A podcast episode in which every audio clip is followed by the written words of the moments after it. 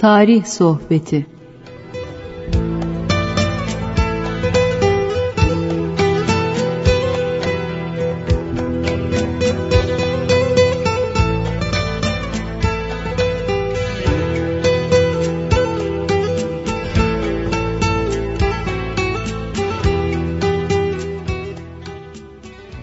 Merhaba kıymetli dinleyenlerim. TGRT FM radyomuzun bir tarih sohbetine daha bu merhabayla başlıyoruz. Bugünkü programımızın yayını esnasında teknik masada Muhittin Yaygın Göl kardeşimiz bizlere yardımcı oluyor. Gökhan Güler Bey de sizlerden gelecek telefonları bekliyor yönetmen masasında. Programı hazırlayıp bir saate yakın müddet içinde sunmaya çalışacak olan ben İsmail Yağcı, bütün dinleyenlerime ekibim adına hayırlı, huzurlu bir vakit geçirmeni diliyorum. Efendim hem hayırlı hem huzurlu. Bütün insanların ömürleri boyunca cinsiyeti, milliyeti, inancı ne olursa olsun hayırlı ve huzurlu bir hayat sürmek istekleri vardır. Vardır da yanlış yoldan gidiyorlar. Hani bir dağcı bile çok e, sert yamaçları olan bir dağda tırmanmak için yine de şöyle dört tarafından tırmanışı en kolay olan yönü arar. Ya ben kahramanım en zoru hangisiyse oradan çıkacağım diyen daha sonra AFAD ekipleriyle burun buruna geliyor mecburen. Hayatta hakikaten her tarafı böyle sert yamaçlarla, yarlarla dolu bir haşin zirve her insan için. Ve biz bu zirveye tırmanmaya mecburuz. E ne yapacağız o zaman? Tırmanacağız.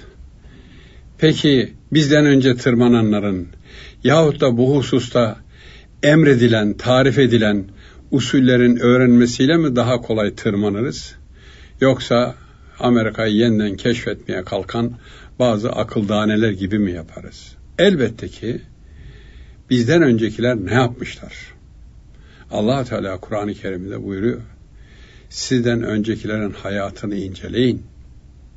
Başından geçenleri inceleyin şeklinde emirleri var bize yani tarih bir manada emredilmiş gibi. Öyleyse biz bizden öncekilerin davranışlarındaki faydalı ve hasarlı taraflarını inceleyeceğiz, faydalarını alacağız. Eğer yapabiliyorsak, becerebiliyorsak bir iyi tuğla da biz koyacağız bu işe. Yoksa yok ya bugüne kadar yapanlar ahmak adamlarmış falan deyip de kendimiz insanları başka bir yere yöneltirsek ya buzulların arasında onun yüzlerce sene önceki cesedine rastlanıyor ya da efendim çöllerin ortasında Firavun'un e, cesedi gibi kumların arasında kurumuş bir kadite rastlanıyor. Evet. İşte insanlara allah Teala buyuruyor ki sizin bu zirveye tırmanmanız hem kolay hem huzurlu olmanız için şunları şunları şunları ben size emir buyurdum. Yapın rahat edin. Kimisi diyor ki ben anamla babamdan bu inancı böyle görmedim benim gördüklerimi yaparım. E yap. Burnu sürtülüyor. Şu anda bir tane dünyada ekonomisi belki ileride olanları vardır. Müreffeh ve huzur içinde olan bir devletçik gösterebilir misiniz? Bırakın devleti. Yok. Öyleyse bizler de dahil allah Teala'nın emirlerini eksik yapıyoruz veya yapmıyor gibiyiz. Yapan iki kişilik bir arkadaş grubu olsa ikisi de huzurlu olur. İki bin kişilik bir insan grubu da olsa o da huzurlu olur. İlaç bu. Biz döne döne tatil günlerinde nöbetçi eczane aramıyor muyuz? Bir kutu ilaç için efendim. E, ilaç bize gönderilmiş. E, ilaç var. Ama sen o ilacın şişesini dışından yalarsan sana hiçbir faydası olmaz. O içine girecek, büyüyene girecek, senin zerrelerine intikal edecek. Onun için de o ilacı bir yolla vücuduna sokman lazım. İlacın var mı? Var abi var. Aldım aldım aldım aldım. Aldım ama içmedim ki. Yutmadım ki veya enjektörle vermediler ki. Yaptırmadım bunları. İlacın var mı? Var. Aa iyi iyi ilacını aldıysa tamam. Tamam ama yok o işte o ilaç orada durduğu gibi insana faydası olmuyor. Çay bardağının dışına istediğin kadar şeker koy. Hatta bir şeker kavanozunun içine çay bardağını göm. Oradan bir zerre şeker çayın içine gitmediği müddetçe tatlanmaz. İşte yaşantılarımızda, hayat tarzımızda eğer emredilenleri alıp da içimize, zerrelerimize intikal ettirirsek herkes huzurlu olur. Bunu yapan herkes huzurlu olur. Huzurun formülünü bir ben söylemiyorum ki. 1082 senesinde İskender bin Kabus Hazretleri söylemiş. Bizimki sadece papağan gibi tekrar etmek. Evet sohbetimizin başında yine ondan bir alıntıyla başlayacağız. Ancak canlı yayına telefonla misafir alamıyoruz. Daha doğrusu biraz da almıyoruz. Hem dinleyici istemiyor hem de biz kanunu bazı sıkıntılar doğar diye istemiyoruz. Tarihi konularda bilir bilmez bazıları bakıyorsunuz efendim kanunlar manunlar var ya varsın patlasın diyor işte kırılsın dökülsün çıksın bir kavgada şu iş bir konuşulsun kardeşim yeter sustuğumuz falan manasına senin yayın aracını kullanmaya kalkıyor. Olmaz ki kardeşim. Ha sen böyle bir şey yapmak istiyor musun? Baba yiğit misin? Baba yiğitim ben. Yapmak istiyorum. Kur bir tane radyo. Orada bu dediğin yayını bir yap bakalım. Beş dakika sonra ne oluyorsun? Olmaz ki. Biz bu devletin sınırları içinde yaşamayı kabul etmişiz. Bu tabii bir anlaşma olarak kabul edilmiş. Öyleyse bu devletin kanunlarına da uymak mecburiyetindeyiz. Zaten İslam büyüklerinin en fazla talebelerine buyurdukları şey insanlar devletine karşı suç işlemez, kanunlarına itaat eder. İnsanlar allah Teala'ya karşı günah işlemez, onun emirlerine uyar. Hakiki insan bu. Şimdi hepimiz bakalım kendimize. Bu iki tane formülün neresindeyiz? Aa, devlet işte şunu yapmıyor, devlet bunu yapmıyor. İstiyor ki devlet soframa tabağımı koysun, çatalımı bıçağımı eksik etmesin, yemeğimi koysun. Bir de adam göndersin devlet. Bunu bana lokma lokma yedirsin. Ya kusura bakma. Kusura bakma. Devletin bugün insanlarımıza tanıdığı kolaylıklar, güzellikler varken biz kalkıp da böyle dahası, dahası, dahası. E o zaman sen ne işe yarayacaksın? Elin kolun paslanır. Zaten hesap makinesi çıktıktan sonra beyni kullanmamaya başladık. Küçücük küçücük iki basamaklı iki rakamı kağıt üzerinde dahi çarpmayı yapamıyoruz. Bırakın kafadan hesaplamayı falan. Şimdi İskender bin Kabus Hazretlerinin Kabusname isimli kitabından oğluna Gilan Şah'a nasihatname olarak yazmıştı bunu. Bir küçük yeri sizlere nakledip ondan sonra da geçen haftadan kalan 31 Mart vakasıyla ilgili hususları anlatmaya çalışacağız. Efendim buyuruyor ki senin üzerinde emeği olanın emeğini boşa çıkarma. Bu sadece bir kuru vefa değildir.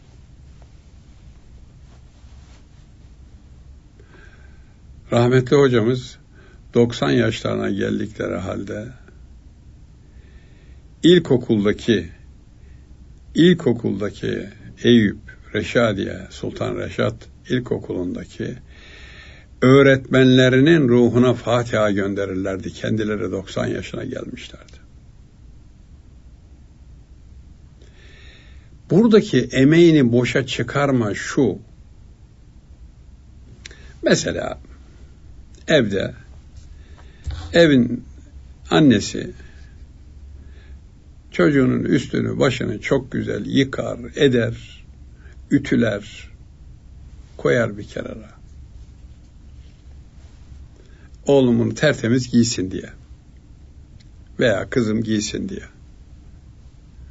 Ondan sonra da çocuk gelir çamurlu bir havada o gün kadıncağızın saatlerini verdiği bu emeğini boşa giderecek şekilde arkadaşlarıyla gider bir arsada top oynar gelir. O gömlek ne her tarafı batmış. Bu fiziki olarak emeği boşa çıkarmadır. Bir de manen olan bir boşa çıkarma var. O çok, çok daha tehlikeli.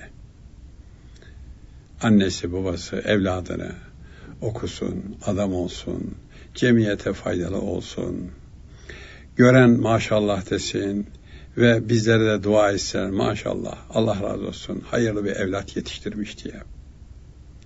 Annenin babanın evladına beklediği bu.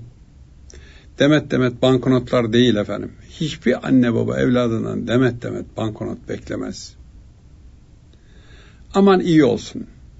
Ha bu filan hanımın, filan beyin çocuğu desin. E bunu yapmazsak emek boşa gider işte. Bu sadece bir aile için değil. Bir toplum, bir millet, bir ırk için de böyle. Bizim ecdadımız bize mükemmel bir medeniyet bırakmışken ben de şimdi çekim yerlerine gittiğimde görüyorum. O ara ki bulasın. Niye? Canım işte şurada bir yer akmış. E bir usta getirmişler. Abi demiş ya bu cami ben bunu hayrıma yapayım. Eserin anasını ağlatmış gitmiş. Ya sen kim arkadaş? Mimar Sinan'ın eserine el sürmek kim? Bırak öyle aksın o. Henry Prost diye bir Katolik mimar Süleymaniye el sürmeye kalkmış bir zamanlar efendim. Bizim koca Reşit Paşa dediğimiz Mustafa Reşit Paşa veya Reşit Mustafa Paşa esas adı onun. Efendim aman padişahım demiş Abdülmecit Han'a Ayasofya çok harap oldu falan filan. Geçen de de gördünüz çok üzülmüştünüz ecdadım hep buraya bayram namazlarına gelirdi. İşte kandillerde gelirdi. Burası ne olmuş böyle? E sen başbakanlığın bakaydın arkadaş bunu padişaha böyle söyleyeceğine. Efendim. Ve Henry Prost'u getirince adam Ayasofya'ya ikonaları monte ettiği gibi çünkü Ayasofya'nın ilk yapıldığı zaman da ikonizm yoktu. Yoktu, yoktu. Sonradan Hristiyanlık çeşitli konsillerle, izlik konsilleriyle ikonizmi Hristiyanlığa monte etti. Şimdi biz de hava durumunu falan bildiren spikerlere bakıyoruz arkadaşlara bazı kanallarda.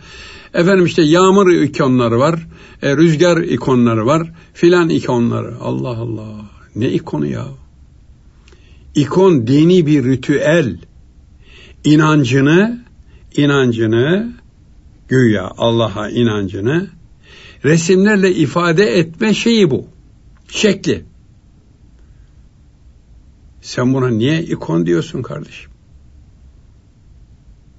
Yerleşti dili bize şimdi. Bütün meteoroloji uzmanları böyle kullanıyor. Bence kullanmasınlar. Uygun bir ifade değil. Totem. İşte benzin istasyonlarında orada burada abi işte orada totem var ya totemin olduğu yerde totem ne ya? Kızılderililerin ilah diye tapmaya çalıştığı yani bir manada haçtan bozma bir şey. Evet, senin üzerinde emeği olanın emeğini boşa çıkarma. Çıkarma ki o emeği olan başkalarına da emek versin, heveslensin, başkaları da o emekten iyi istifade etsin. Evet. Bunu burada noktalıyoruz ki öteki konularımızı konuşalım. Bu arada tabii telefon numarasını verecekken canlı yayına konuk alamıyoruz. Canlı yayına şunun işe alamıyoruz dedik. Telefon numarasını vermedik. Vereceğim aklımda o. Bize ulaşacağınız telefon numarası 0 212 alan kodundan 454 56 46. Radyomuzun mail adresi tgrt-fm et tgrt-fm.com.tr Buradaki tireler etin iki tarafındaki tirelerde normal tirelerdir. Şahsi mail adresim ise ismail.yagci 41 et gmail.com Şahsi mail adresime illa bu haftaya mahsus değil ta ilerideki zamanlarda yani bendeniz ölünceye kadar öldükten sonra o adresime cevap verecek kimse kalmayacak adreste iptal edecekler tabii efendim tarihle ilgili olmak üzere sorularınızı sorabilirsiniz. Elhamdülillah seviniyorum. Gençler mail atıyorlar. Ee, çeşitli hususları merak ediyorlar. Okullarda okudukları derslerde kullanılan bazı terimlerle ilgili ben de seve seve vakit ayırıyorum. Ayırmak vazifem zaten. Ben lütfen ayırmıyorum. Allah Teala bana böyle bir vazifeyi nasip etti diye seve seve vakit ayırıp onlara cevapları vermeye çalışıyorum. Sağ olsun onlar da dua ediyorlar, memnun oluyorlar. Bir üniversite genci düşünün efendim.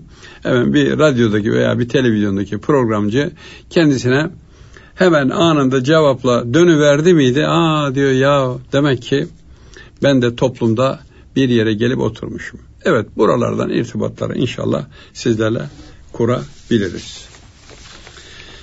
Şimdi şimdi efendim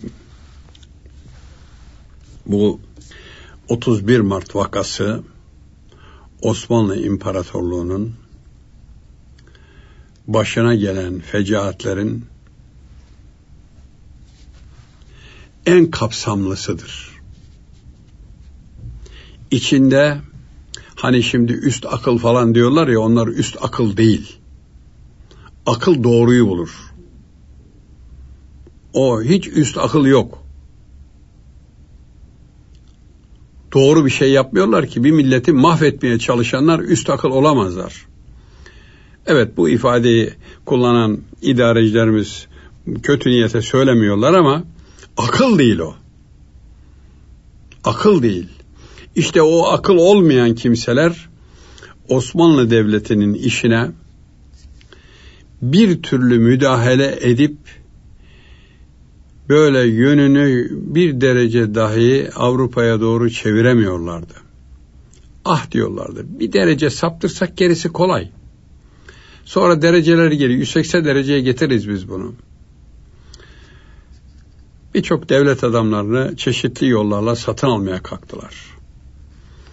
İkinci Mahmut Han zamanında başlayan efendim bazı iç kargaşadan da istifade ederek Mahmut Han'ın yenileşme hamleleri için hayatını ortaya koymasına rağmen o yenileşme hamlelerinin içinde bulunan bazı devlet adamları padişahlarına inanmadılar.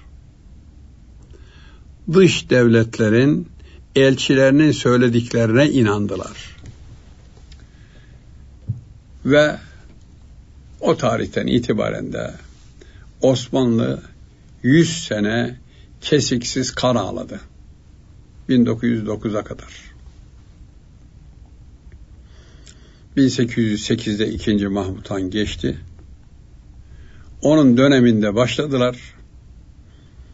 İngiltere'nin gönderdiği Osmanlı'yı ikna için her türlü zenginliğin içinde yüzen Lord Startford Canning isimli bir adam 54 sene Osmanlı Devleti'nde kaldı. Resmi hiçbir vasfı yoktu gelişinde. Hiç. Ama bir İngiliz her kapıyı çalıyor.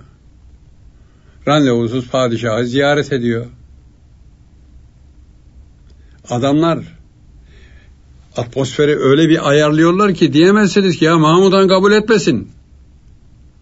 Mahmudan biliyor ki bu adam gayri resmi bir adam. Hiçbir vasfı yok. Ama bu adam esas İngiliz'in adamı.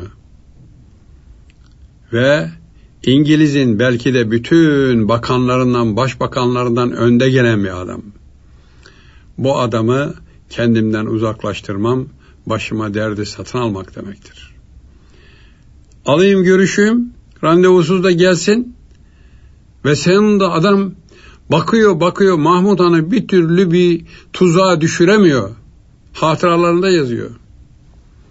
Can Yücel diye birisi de tercüme etmiş. Redaksiyonu çok iyi değil. Belki tercümesi iyiyse de redakte edeni kim ise o tutturamamış. Veya mütercimin yazdığını aynen yazmış. Halbuki redakte de anlaşılır yapmak lazımdı. Hiçbir dil yoktur ki birebir tercüme ettiğiniz zaman tam ifade etsin. Şimdi Kur'an-ı Kerim tercümeleri, mealleri falan filan uğraş bana. Onlar da apayrı yanlış, sapık hadiselerdir. Kelami ilahiye bakacaksın, muradı ilahi buradan anlayacaksın. Hadi anla bakalım hemşerim. Ya ben anlarım işte. İyi de sen ne anlan? Ne anlan? Yani dinin esasını ne anlarsın? Bunun için evvela dünyevi 20 ana ilmi öğrenmen lazım. Bunun her birinin kolları olanlarla beraber 80 ilmi öğrenmen lazım. Bir aletler lazım. Kardeşim insanın beynine girerken, beyninde bir ameliyat yaparken kullanılan aletlerle bir böyle dişini çekerken kullanılan aletler bir olur mu? Veya bir apandisit ameliyatı yahut da bir deride bir yırtık var oraya dikiş atma. O da operasyon. Beyindeki de operasyon. Beyinde kaç kişi bulunuyor ekipte? Deriye dikiş atarken çocuk kafasını bir yere vurmuş kafasına bir dikiş atılacak. Kaç kişi bulunuyor? Bir tane doktor bir de olsa olsa yardımcısı, hemşiresi veya hasta bakıcısı olur. Evet. Şimdi allah Teala'nın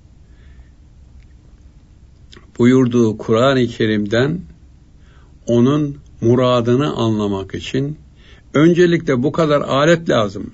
E bu kadar aleti getirdin benim önüme yığdın bu beyin ameliyatını sen yapar mısın? Dedin. Yapamam ki. Alet lazım. Yeterli değil. Hani gerek şart falan filan diye e, okullarda okuttular ama bunun manasının ne demek olduğunu mantıkta öğretmediler. Çünkü biz Türk İslam mantığı okuyarak yetişmedik. Aristo mantığıyla yetiştik. Ondan sonra da efendim insan düşünen bir varlıktır deyince talebesinin biri de hindinin tüylerini yolmuş getirmiş önüne koymuş. Ne bu oğlum? Bu insan hocam demiş. Ne insanı ya bu hindi ya baksana demiş. E düşünüyor ama efendim demiş. E, e tüysüz de demiş. Siz dün öyle tarif etmediniz mi? Alın size insan. Daha okulun basamağında ilk basamağında olan öğrencisi öğretmeninin tarifini onun kafasında patlatıyor veya elinde ağzında patlatıyor. Bu mantıkla yetişirseniz İslam dinindeki mantığı o güzel mantık kitaplarını boşa mı okutuyorlardı Osmanlı medreselerinde? Onun için Osmanlı bir kadı yetiştirdiğinde onun karşısında onu atlatmaya kalkacak bir suçlu çıkmazdı ortaya hiç. Kandıracak suçlu çıkmazdı. Niye? Mantık çok güçlüydü çünkü. Nereden nereye varılabileceğini biliyordu. Evet. Dolayısıyla 31 Mart vakası da Osmanlı Devleti'nin başına bu dış güçlerin açtığı Avrupalılaşma felaketinin belki en tehlikeli noktasıydı. Esas ana köşe taşı burada yerinden oynatıldı. Abdülhamit Han'ın tahttan indirilmesiyle. O zamana kadar işte Abdülaziz Han'ı tahttan indirdiler, şehit ettiler. Biraz taş şehitti. Efendim, Kırım Harbi'ni Abdülmecit Han'ın başına çorap gibi ördüler. İkinci Mahmut Han'a Yeniçeri Ocağı falan dediler ama Bütün bunların devamında geldiler geldiler ki 1876'da başa geçen Abdülhamit Han 1908'e kadar memleketi dış borçlarını ödeyerek iyi bir eğitim düzeni kurarak Avrupa'nın medeniyet denilen usulünü memleketinde adam gibi yerleştirmeye çalışarak her köye bir cami, bir mektep prensibiyle, politikasıyla 11.500 cami ve mektep yaptırmıştır ki İstiklal Harbi sırasında Osmanlı'nın bu 11.500 mektep ve camiinden belki 500'ü kalmamıştı. Nereye gitti kardeşim? Nereye gitti yani? Birinci Dünya Harbi'nde ne oldu? Samanlık mı yaptınız buraları? İnsanlar ne yaptılar buralara? Ahır mı yaptınız ya? Cebinden yaptırmıştı Abdülhamit Han. Onun bu hamlelerini ve dış devletlerden İngiltere başta olmak üzere bunları birbirlerine kafa kafaya vurdurarak onların siyasi ihtilaflarından Osmanlı Devleti'ne hayatiyet kazandıran bir insanı dediler ki bunun ya ölmesi lazım ya tahttan indirilip hapsedilmesi lazım. Yani yönetimden her halükarda çekilmesi lazım. E gel İngiltere harple çek çekemiyor. Ona gücü yetmiyor. İngiltere istemiyordu onu. Niye uğraşayım diyor ben bundan. Ben bunu elimi yakmadan maşalarla yaparım diyor. Efendim reklam aramız geldi geçiyor. Küçük bir aradan sonra inşallah 31 Mart vakasına biraz daha yüklenmeye çalışacağız.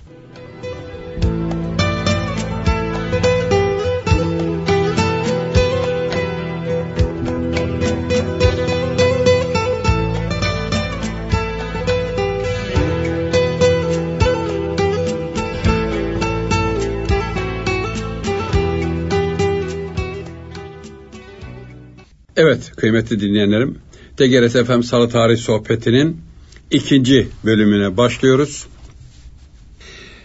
Ee, konumuz, ana konumuz birkaç haftadır devam eden 31 Mart vakasının tahlili şeklindedir. Ve 1908'deki bütün işte Batı Trakya dahil oralardaki insanları zorla kuyruklar ederek postaneden telgraflar çektirip de 1908 meşrutiyetini ilana Abdülhamit Han'ı zorlayıp bunda da muvaffak olanlar bu meşrutiyetle beraber milletvekillerinin seçilmesi için bir seçim satı maline girdi memleket. Bu seçim satı maili çok dikkatle takip edilecek bir husustur. Abdülhamit Han gücü yettiğince uğraştı. Ancak seçilmeye talip olduğunu söyleyen ittihatçılar hep ayrılıkçı güçlerle el sıkışarak bu seçimlere girmeye çalıştılar. Evet dört umdenin peşinde koştuklarını söylüyorlardı. Elbette ki hırsız da gider bir evi soyar niye soydun kardeşim dersen ya gelir dağılımı adil değil müsavi değil onu yapmaya çalışıyordum adaletli bir gelir dağılımı için buradan alacağım fakirlere vereceğim. E, kendi de fakir ya kendini de alacak tabii. Böyle olur mu? Böyle olunca halk huzursuz oldu. Adalet, müsavat, uhuvvet, hürriyet. Dört umde. Maalesef Uzun Köprü ilçemizin o tarihi mükemmel köprünün Uzun Köprü ilçesi tarafındaki en son ucunda uyduruktan bir çeşme tipi bir şey yapmışlar ve hürriyet abidesi demişler. Ya birisi 1444'te yapılmış. Bugüne kadar milyonlarca insan şehit, gazi, e, gazaya gitmiş, gazadan dönmüş, e, hasta gitmiş, sağlam dönmüş dice insanlar orada da işte dört umdeyi dört tarafa o da bugünün Osmanlıca harfleriyle yazmışlar. Yani Abdülhamit Han'ın zamanındaki harfleri de pek benzemiyor. İlçenin kaymakamı ittihatçı idarecilerin gözüne girmek için yapmış bunu. Yani 31 Mart vakasından sonra yapmış. Aman ben yerimi muhafızım. Hatta burada yetmez bana uzun köprü Edirne valiliğinde verseniz demiş olabilir. Halk bu kargaşayı görünce eyvah dedi. Safiyane bu işin peşinde koşanlar, postaneye, safiyane de telgrafa gidenler. Eyvah dedi ya. Biz boşa kürek çekmişiz. Biz felakete gidiyoruz. Dön dönemezsin arkadaş. Dönemezsin. Baştan kafanı kullanacaktın. Kullanamadılar. Ve meşrutiyete bağlanan bütün ümitleri söndü.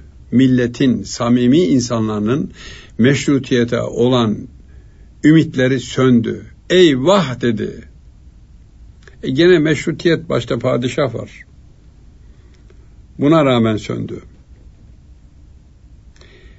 Ve İttihat Terakki'nin halkı yanlış yöne gönderdiği, yönlendirdiği işini halk yavaş yavaş jöton düştü anlamaya başlayınca itibar etmediler ittihatçılara. İttihatçılar dedi ki eyvah emekler boşa gidiyor. Bu millet bizi anlamadı. Anlamaz öyle derler şimdi. İşi beceremeyenler millet bizi anlamadı. Bu millete bunu anlatmak için bizim başa gelmemiz lazım. Dizginleri ele alacağız. İki elimizde de iki kırbaç olacak. Efendime söyleyeyim. Bak bakalım bunları şaklattıkça bu insanlar bizi nasıl anlarlar. Evet aynen böyle bir hava getirdiler efendim. Meşrutiyetin ilanından sonra ittihatçıların 1909'a kadar yaptıkları cinayetler daha idareyi ele almadan faili meçhul cinayetler ne menem insanlar olduğunu ortaya koyuyor. Tabi muhalefet de iddiaçlara karşı güçlenmeye başladı. Bunları ezmek için faili meçhuller serisi başlattı iddiaçılar. 1908 1909 31 Mart'ı arası yani 31 Mart faciası olmadan önceki ittihatçıların devlette görev almayacağız dediler ama onların bütün seri katilleri şimdi bakın neler yaptılar. 19 Ekim'de Selanik'te bulunan 3. ordunun emrindeki dört tane avcı tavuru meşrutiyetin muhafazası için ve İstanbul'un güvenliğini sağlamak için İstanbul'a getirildi. Padişahın haberi var mı? Yok. Harbiye Nazır'ın haberi var mı? Yok. E hani siz görev almıyordunuz Harbiye Nezaretinde? Harbiye Nazırı olmadınız. Milli Savunma Bakanı olmadınız yani.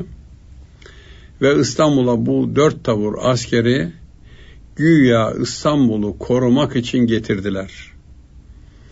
Bunlar 31 Mart faciasında İstanbul'u basacak hareket ordusunun meşruiyetini sağlamak için gelen karşı takımın oyuncularıydı.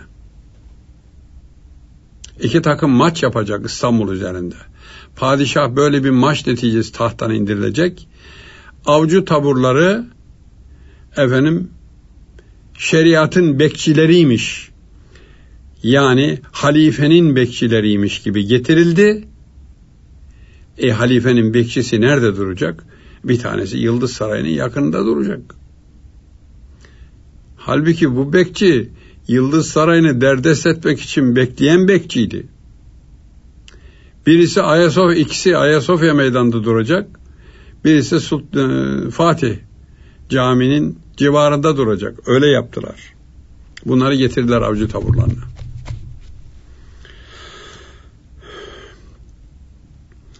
Meşrutiyetten sonra Harbiye Nezareti Tayin Şubesindeki ve diğer tayin şubelerindeki ittihatçıların çeşitli baskı numaralarıyla, iftiralarıyla ordu içerisindeki alaylı subaylar ve memurlar. Bir çantadan yetişme denirdi bizim de gençliğimizde. silahlı kuvvetlere katıldığımız zaman böyle bir ifade vardı. Çantadan yetişme alaylı. Efendim. Bir de mektepten, mektepli. Mektepli zabitan. Mektepli Harbiye Mektebi'ni bitiren. Çantadan yetişmene, çantadan yetişme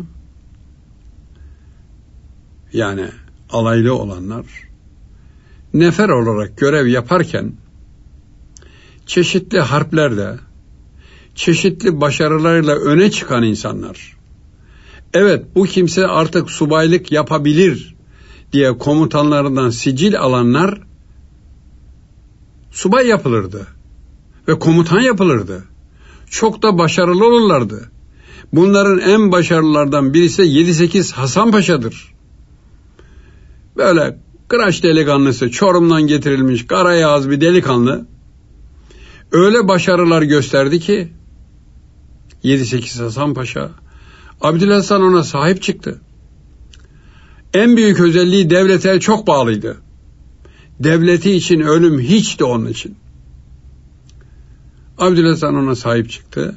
Abdülhamit Han onu Beşiktaş'ta merkez komutanı yaptı. Yaralı vaziyetteyken savaştan dönmüştü. 93 Harbi'nden yaralı dönmüş. E, raporlu vaziyetteydi.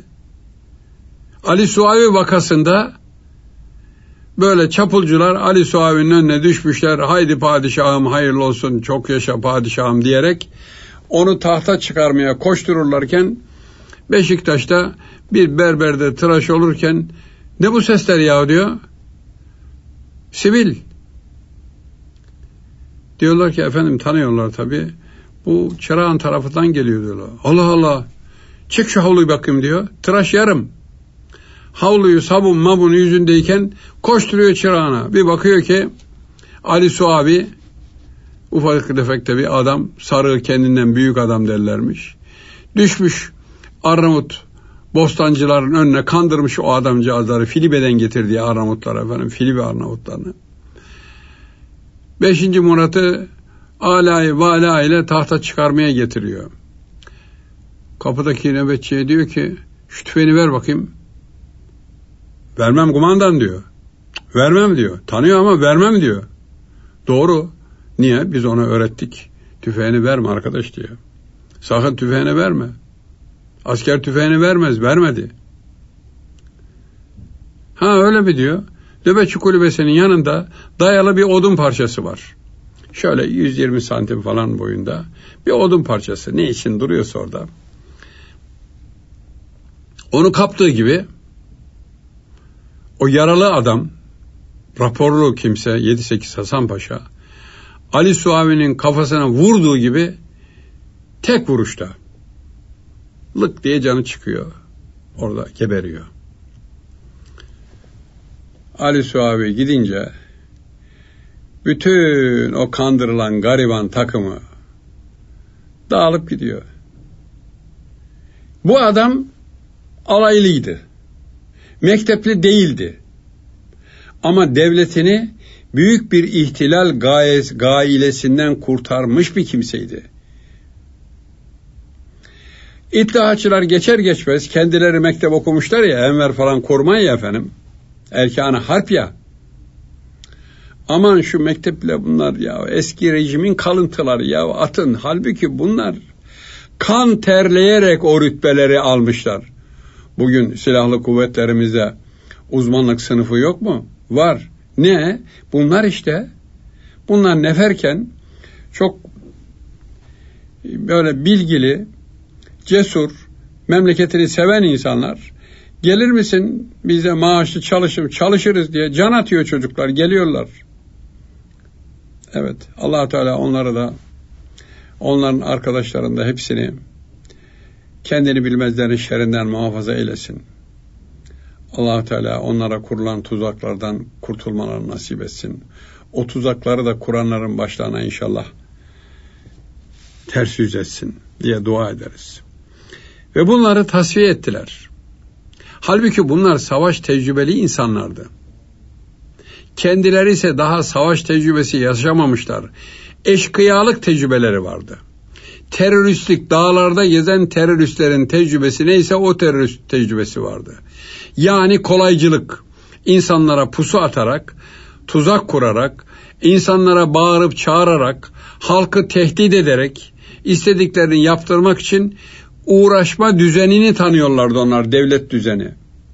E siz o devletin başına geçtiğinizde de birileri bunu yaparsa yaptırmayız. Ya eden bulur, inleyen ölür demişler.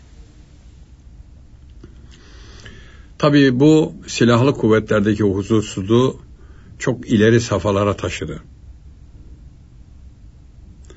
Matbuattan da sansürü kaldırdılar. Hürriyet var ya efendim. Dört umdeden birisi. Hürriyet. Al sana hürriyet. Serbestliği, mizan, tanin, volkan gibi gazetelerde alaylı mektepli subay ayrımı meselesi acı bir şekilde işlenmeye başladı. Halkın işi gücü gazetelerde bunları okumak haline geldi. Gündeme oturdu ki böyle fil gibi yattı gündemde. Başka bir şey kabul etmiyor. Ve sert, tahrikçi, insanları isyan eden yazılar yayınlanmaya başladı. Subayların birbirleriyle takışmalarına sebep olacak makaleler yayınlandı. Subaylarla erlerin arasına nifak sokacak makaleler yayınlandı. Ve subay erlerinin karşısına çıkamaz hale geldi içtima yerinde. E Abdülhamit Han yapsa ya. Yani Abdülhamit Han bu kadar dış devletlerin desteğiyle onların kölesi olmuş, af buyurun köpeği olmuş insanları nasıl yönetsin? Adam kendi devlet başkanına itimat etmiyor ki. Düşmanın söylediğine iyi diyor, ona haklı görüyor, kendi devlet başkanını da düşman görüyor. Roller değişmiş. Bugün de birçok memleketlerde bunlar olmuyor mu efendim? Oluyor. Volkan gazetesinde bilhassa Derviş Vahdeti İttihatçı subayların erler arasında dine karşı böyle çok menfi tavırlar takınmalarını alabildiğine işlemeye başladı. Yani bizi dinsiz subaylar idare ediyor. Abdestsiz, gusülsüz insanlar idare ediyor. Daha ne makaleler ne makaleler. Eğer e, merak eden dinleyicilerimiz olursa ki vardır mutlaka. Yani şunu hakikaten o zamanki matbuatı bir görsek falan diye bazı kanallarımız 100 yıl önceki İstanbul matbuatı diye böyle şeyler veriyorlar ama efendim Yine de gidip bir kütüphane araştırırsanız hiç olmazsa kütüphanelere biraz okuyucu girsin efendim. Kütüphane raporları çok çok acı bir hale geldi. Kimse uğramıyor gibi görünüyor. Beyazıt'taki e, araştırma kütüphanesinde o dönemin gazeteleri ciltler halinde duruyor. Sayısını veremeseniz bile yılını verseniz oradaki memur kardeşlerimiz koşturarak size o ciltleri alıp gelirler. Bir bakın bakalım bir Volkan gazetesine bir bakın ne yazmış. Ve böylece Volkan Gazetesi orduyu ve halkı isyana teşvik etmeye başladı. 2 Aralık'ta Manastır Postanesi'nden Manastır Postanesi'nden çıkmakta olan çıkarken vurulan Şemsi Paşa'nın Şemsi Paşa'nın bu Üsküdar'daki Şemsi Paşa ile yakından uzaktan ilgisi yok. Şemsilikten başka. İsmail Mahir Paşa da Sultanahmet Meydanı'nda öldürüldü. Şemsi Paşa Manastır Postanesi'nden çıkarken İstanbul'a bir telgraf çekmiş. İhtimal ki padişaha çekti. Merdivenlerde öldürdüler efendim vurdular. Onun akrabası olan İsmail Mahir Paşa'yı da Sultanahmet Meydanı'nda Meydanda efendim milletin gözünün önünde öldürdüler. Katil kaçtı. Bütün aramalara rağmen de bulunamadı. Bundan önceki suikastlerde olduğu gibi de bu da bir faili meçhule yatmış oldu.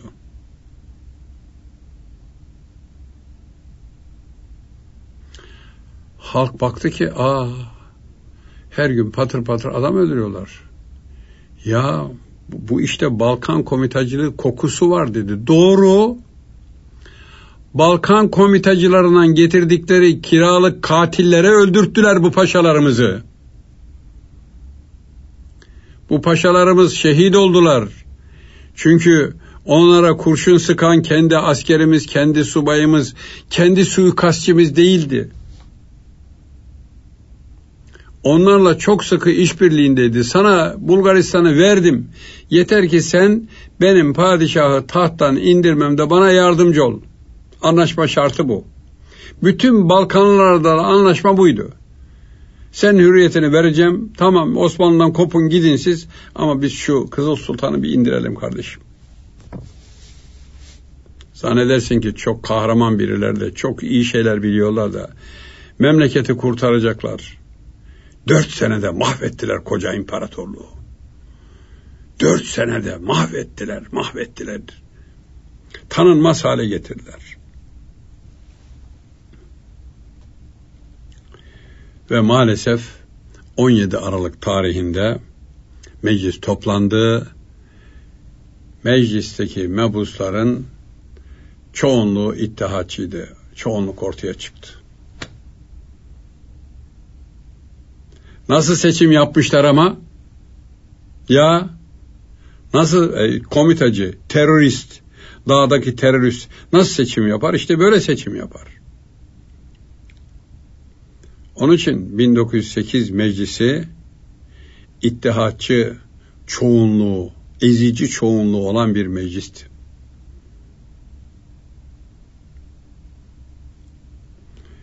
Enteresandır. Hükümet de getirilen bu avcı taburlarıyla hiç meşgul olmadı. Hatta bu avcı taburlarının vazifesi hakikaten İstanbul'un inzibatıymış zannedilerek bu avcı taburları İstanbul'daki kargaşaların yatıştırılması için kullanılmaya başladı. Bu da ittihatçıların planıydı. Yani halk bir inzibati tedbir görecek. Kim bunlar? Avcı taburu. Avcı taburlarının komutanları kim? Başta meşhur Hamdi Çavuş. Çavuşlar taburu yönetiyordu efendim, çavuşlar. Çavuşlar bildiğince yönetiyorlardı. Ve bu çavuşlar da tabi İstanbul gibi yere gelince biraz da sözleri geçmeye başlayınca İstanbul'daki işret hayatına daldılar. Evet, işret hayatına daldılar. Askerlikte hiç uğraşmadılar. Ya asker masker para gelsin kardeşim yiyelim içelim eğlenelim.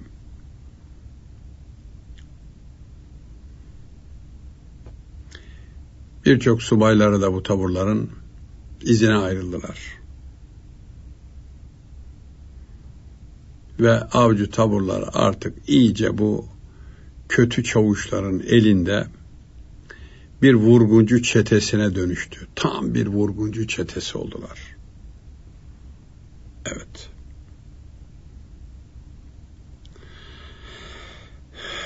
Bu ara Enver Bey Berlin'e ateşi militer yapıldı. Devlet bir ayıklamaya gidiyor şimdi. Ali Fuat Bey Viyana'ya, Fethi Bey Paris'e ve Hafız Hakkı Bey de Roma'ya ateşe militer olarak tayin edildiler. Bu Hafız Hakkı Paşa işte Roma'ya gitti.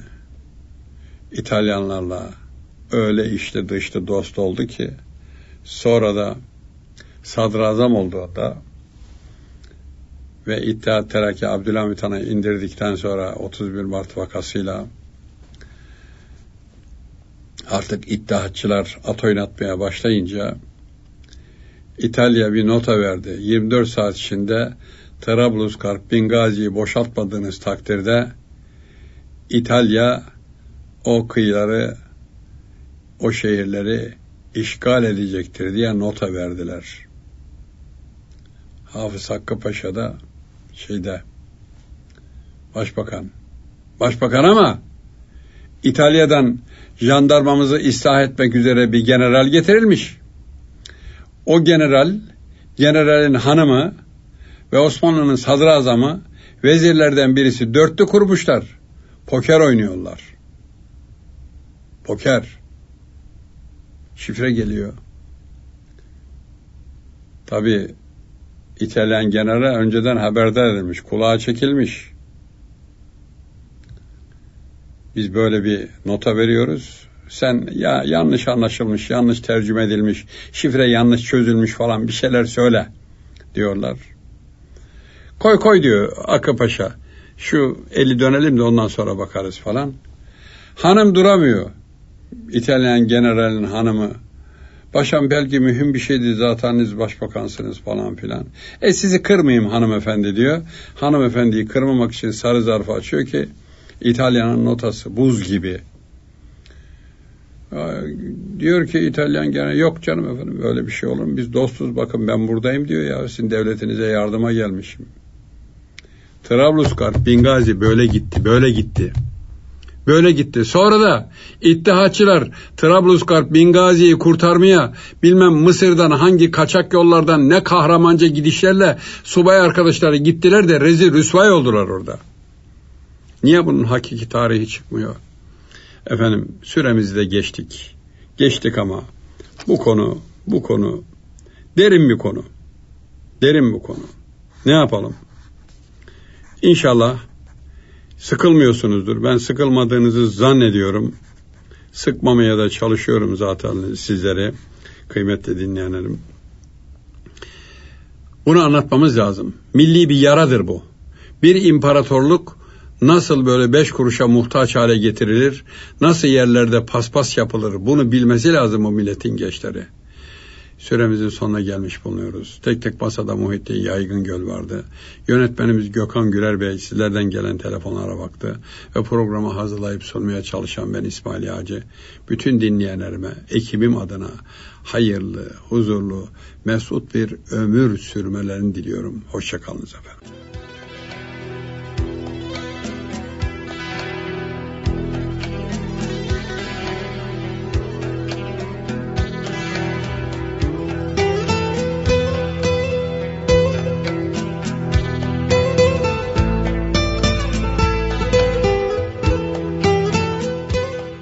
Tarih Sohbeti